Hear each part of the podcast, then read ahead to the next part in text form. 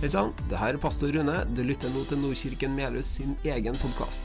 Vi har akkurat bytta navn fra MU Melhus til Nordkirken Melhus. Vi er fortsatt samme menighet, samme fellesskap, men med ny profil. Akkurat nå ønsker vi å legge ekstra fokus på tweens- og tenåringsarbeidet vårt. Vi vet at denne aldersgruppa tar valg som vil prege retninga for resten av livet. Vi ønsker å gjøre alle til bevisste etterfølgere av Jesus med en visshet om at de er elska og uendelig verdifulle. Målet er etter hvert å opprette en fast stilling til noen som vil gå inn og lede dette viktige arbeidet. For å komme dit trenger vi et økonomisk løft. Derfor inviterer jeg deg som allerede er medlem til å bli fast giver, eller se om du kan gjøre noe med din nåværende givertjeneste. Les mer og besøk oss på nordkirkenmelhus.no. Tusen takk.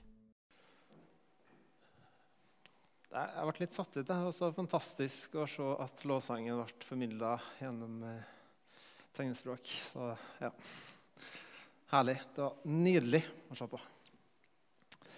Flott å se dere alle sammen. Kjekt å se at det er litt festkledde folk her òg. Eh, Dette skulle jo, som Marte sa, være måte, den dagen med fyrverkeri og kake og alt. Vi skulle feire at vi har eh, bytta navn. Eller markere, da feire. Det høres ut som vi går over fra noe dårlig til noe bedre. og Det var ikke det som var tanken. Vi skulle markere at vi har gått over til et nytt navn på menigheten. Men så ble det ikke, men det ble noe mye bedre. Det ble en feiring av Vilma og Brikt sin dåp. Det er verdt å feire, og det er bedre enn en navnebytte. Mitt navn er Rune Breivoll Haugen. Er så heldig å få være pastor i denne eh, flotte flotte, menigheten. Ikke en perfekt menighet, det må poengteres. Vi består av eh, uperfekte mennesker. Det er kanskje et par av oss som er helt perfekte. Ellers så er vi uperfekt. Nei, eh, ingen av oss er perfekt. Men vi er fryktelig, fryktelig verdifulle. Veldig verdifulle, alle sammen. Så verdifulle at vi er verdt å dø for. Dåp for oss i Nordkirka handler mye om at utgangspunktet for trua vår ikke er oss. Det er ikke noe vi har gjort. Det er ikke noe vi har trodd, men det handler om hva Gud gjør. Det er ikke vår handling som står i sentrum, men det er det Gud gjør. Gjennom dåpen er det Han som kommer oss i møte før vi kan gjøre noe som helst. Det er han som er startpunktet for hele vår reise, hele vårt liv og hele vår tro sammen med han. Og I dåpen og i møte med Gud så får vi ta imot nåden. Helt gratis, helt ubetinga, helt ufortjent. Så gir han oss en ny start, en ny retning, og det er verdt å feire. Som menighet så er vi på mange måter i, på en ny start vi har vært, og er for så vidt midt oppi en eh, pandemi. Du skal være ganske bortreist dersom du ikke har lagt merke til at det har skjedd noe med samfunnet det siste halve året. Jeg leste om et par som reiste ut i februar-mars ut i seil, seilbåt ut i Stillehavet. Kom tilbake og fikk seg en kraftig overraskelse når alt, hele samfunnet var snudd på hodet med karantene og det ene og det andre. Sjøl er jeg en introvert type. Har ikke det sterke behovet for å oppsøke store folkemengder sånn til daglig. i hvert fall. Eh, og så var det et bilde som gikk på sosiale medier i den karantenetida, som jeg kjente meg i hvert fall litt igjen i.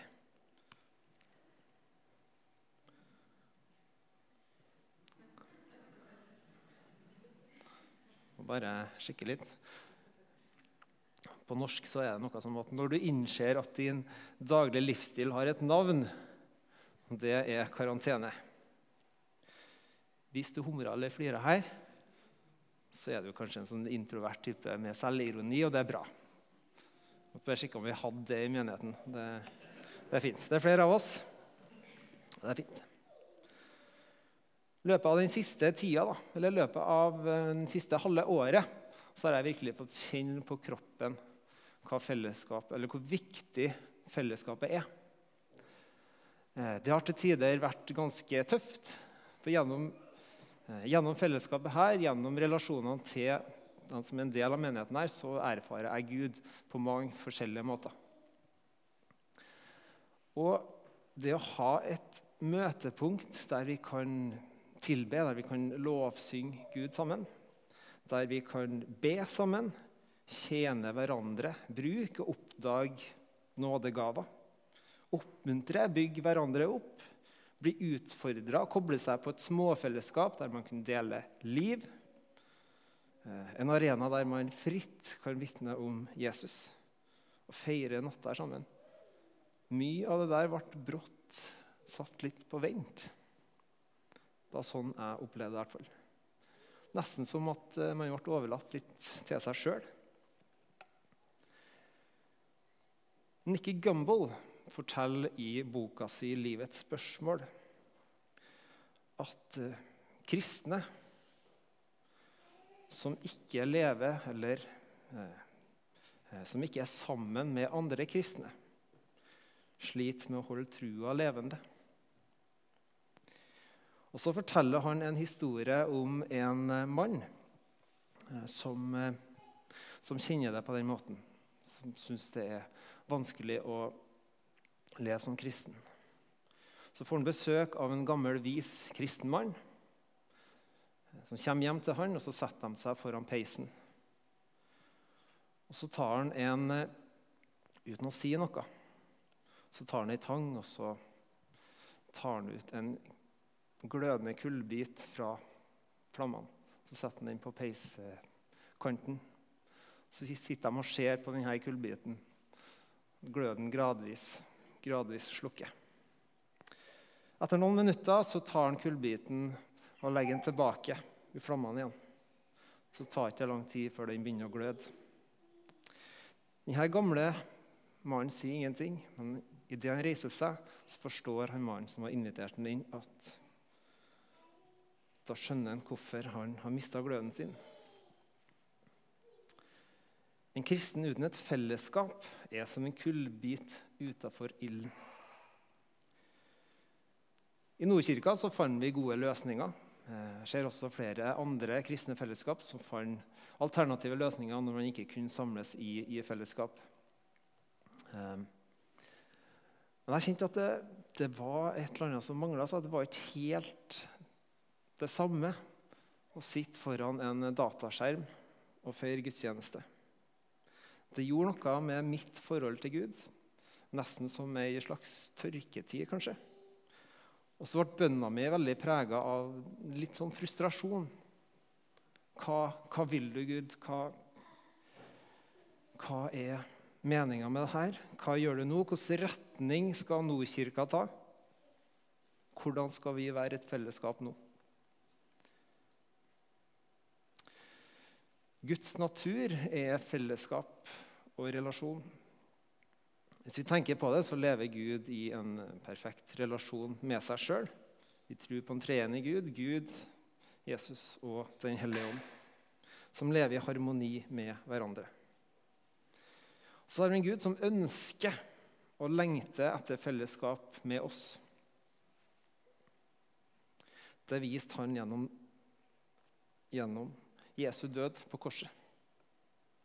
Så høyt elsker Gud oss at hans sønn gikk i døden for oss, for at vi skal få en tett og god relasjon til han. Fellesskap er viktig. Menighet er viktig. Uten helt å få et eh, klart svar av Gud der og da, så hadde jeg i hvert fall gitt han utfordringa. Hvordan skal vi være fellesskap nå? Overhengende tema for eh, høsten 2020 i Nordkirka er neste kapittel.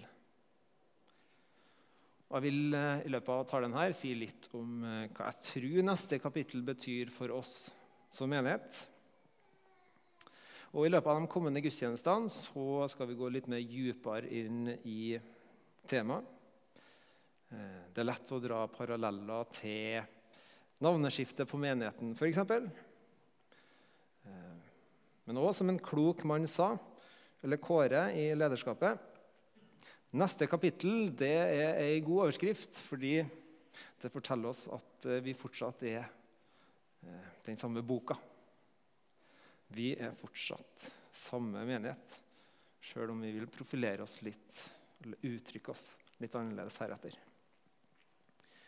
Vi kan fint trekke paralleller til det vi har vært vitne til, og det vi skal vitne i dag dåpen. For det fører oss eh, på mange måter inn i et nytt kapittel. Nytt liv, ny start osv. Vi kan dra paralleller til tida vi lever i nå. Eh, det var et før, og det kommer til å bli et etter. I sommer så følte jeg meg litt svak i trua. Og På sensommeren så åpna jeg bibelappen min på telefonen, og så havna jeg i Jakobs brev. Jakob som var bror til Jesus. Jakob han skriver til eh, kristne jøder, jøder som har konvertert, eh, og som forfølges eh, rundt omkring i verden. Kan kanskje ikke sammenlignes direkte, men jeg tror at Gud kan snakke til oss gjennom tekstene. Eh, de her jødene trengte en oppmuntring en forklaring på hvorfor, er, hvorfor skjer det her. Hvorfor opplever vi det her? Og så skriver Jakob fra kapittel 1, vers 2. Vær glade, kjære søsken, når dere må gjennom ulike slags vanskeligheter når dere må gå gjennom ulike slags vanskeligheter og prøvelser. Så kjente jeg at det, det er jo nesten litt provoserende, da at eh, ja, kanskje har man vært borti typen som bagatelliserer dine problemer når du åpner deg og forteller at 'jeg sliter med det her, jeg syns det er vanskelig'. Og så får du den der 'Du skal være glad, du'. Du vet at du kjemper med trua di, og du har det vanskelig nå, men du, du skal være glad. Her har vi et annet perspektiv. så jeg er glad for at jeg har lest videre, for Jakob eh, gir en god forklaring på hva han mener.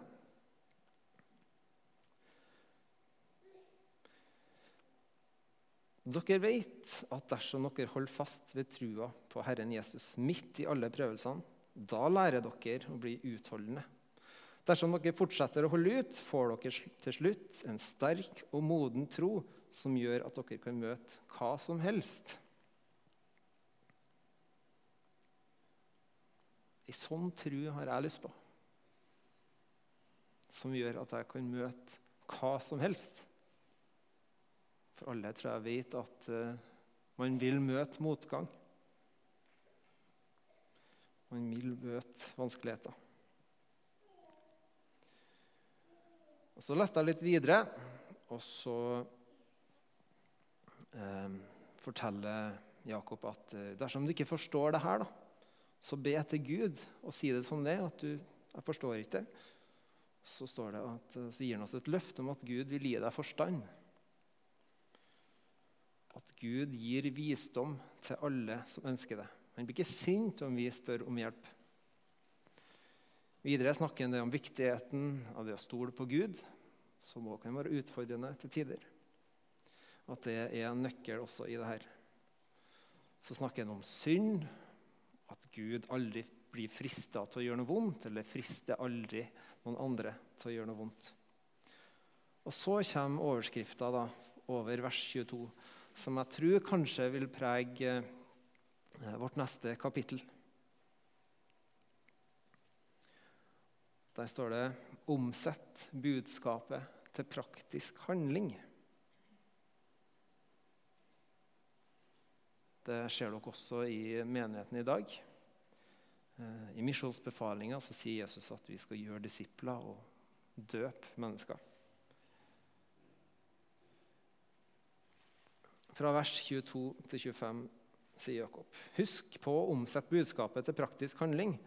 Dersom noen tror at det holder bare med å kjenne budskapet teoretisk, tar han skammelig feil. Den som kjenner til budskapet, men ikke følger det i praksis, ligner en mann som får øye på sitt ansikt i et speil. Han tar en rask titt og går etterpå bort og glemmer hvordan han så ut. Så tenkte jeg at det der det kan jeg forstå. Jeg er ikke akademisk anlagt. Så hva skjedde meg på BI for 15 år siden? så har dere, har dere skjønt det. Jeg er flink til å pugge. Veldig flink til å pugge. Og fikk helt eh, greie karakterer når jeg pugga til eksamen. Men hva hjelper det hvis man ikke praktiserer teorien som man lærer? Og så er jeg veldig glad i duppedingser og enkelte programvarer som jeg synes er nyttig. Så kan jeg sitte og ja, kan sette meg godt inn, inn i det. Eh, jeg kan lese manualer og se på YouTube og finne ut hvordan ting fungerer med denne programvaren. Eksempel. Eh, Men hvis jeg ikke tar det i bruk, så glemmer jeg det bare. Bortkasta tid. Jesus han har kalt oss til å følge han. Det vil si å lære av han, studere han, prøve og praktisere.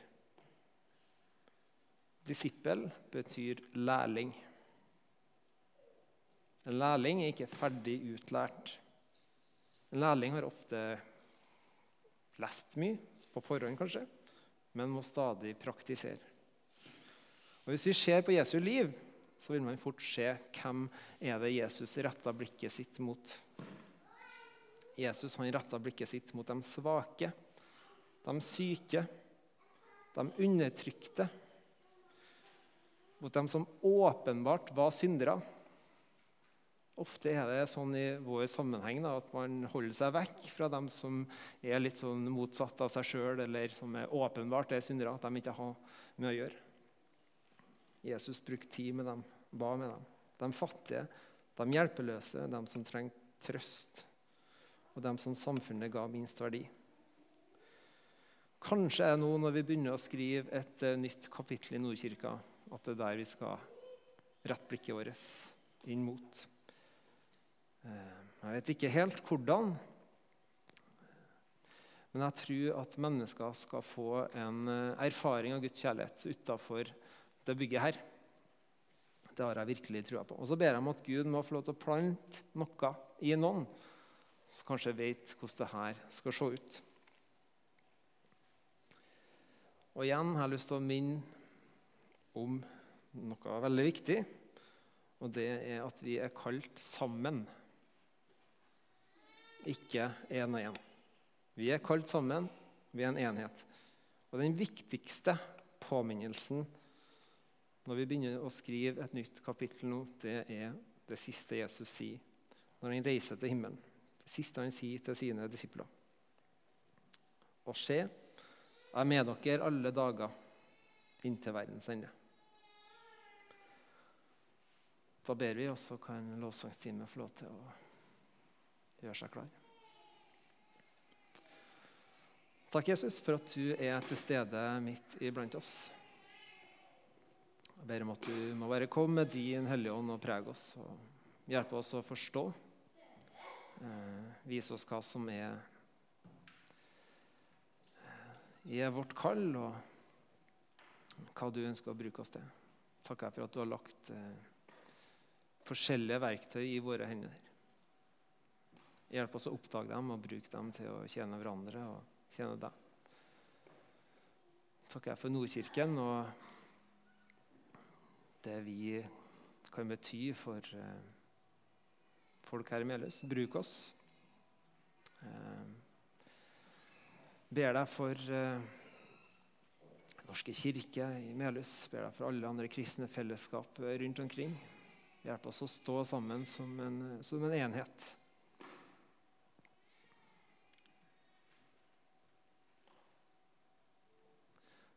Jesu navn.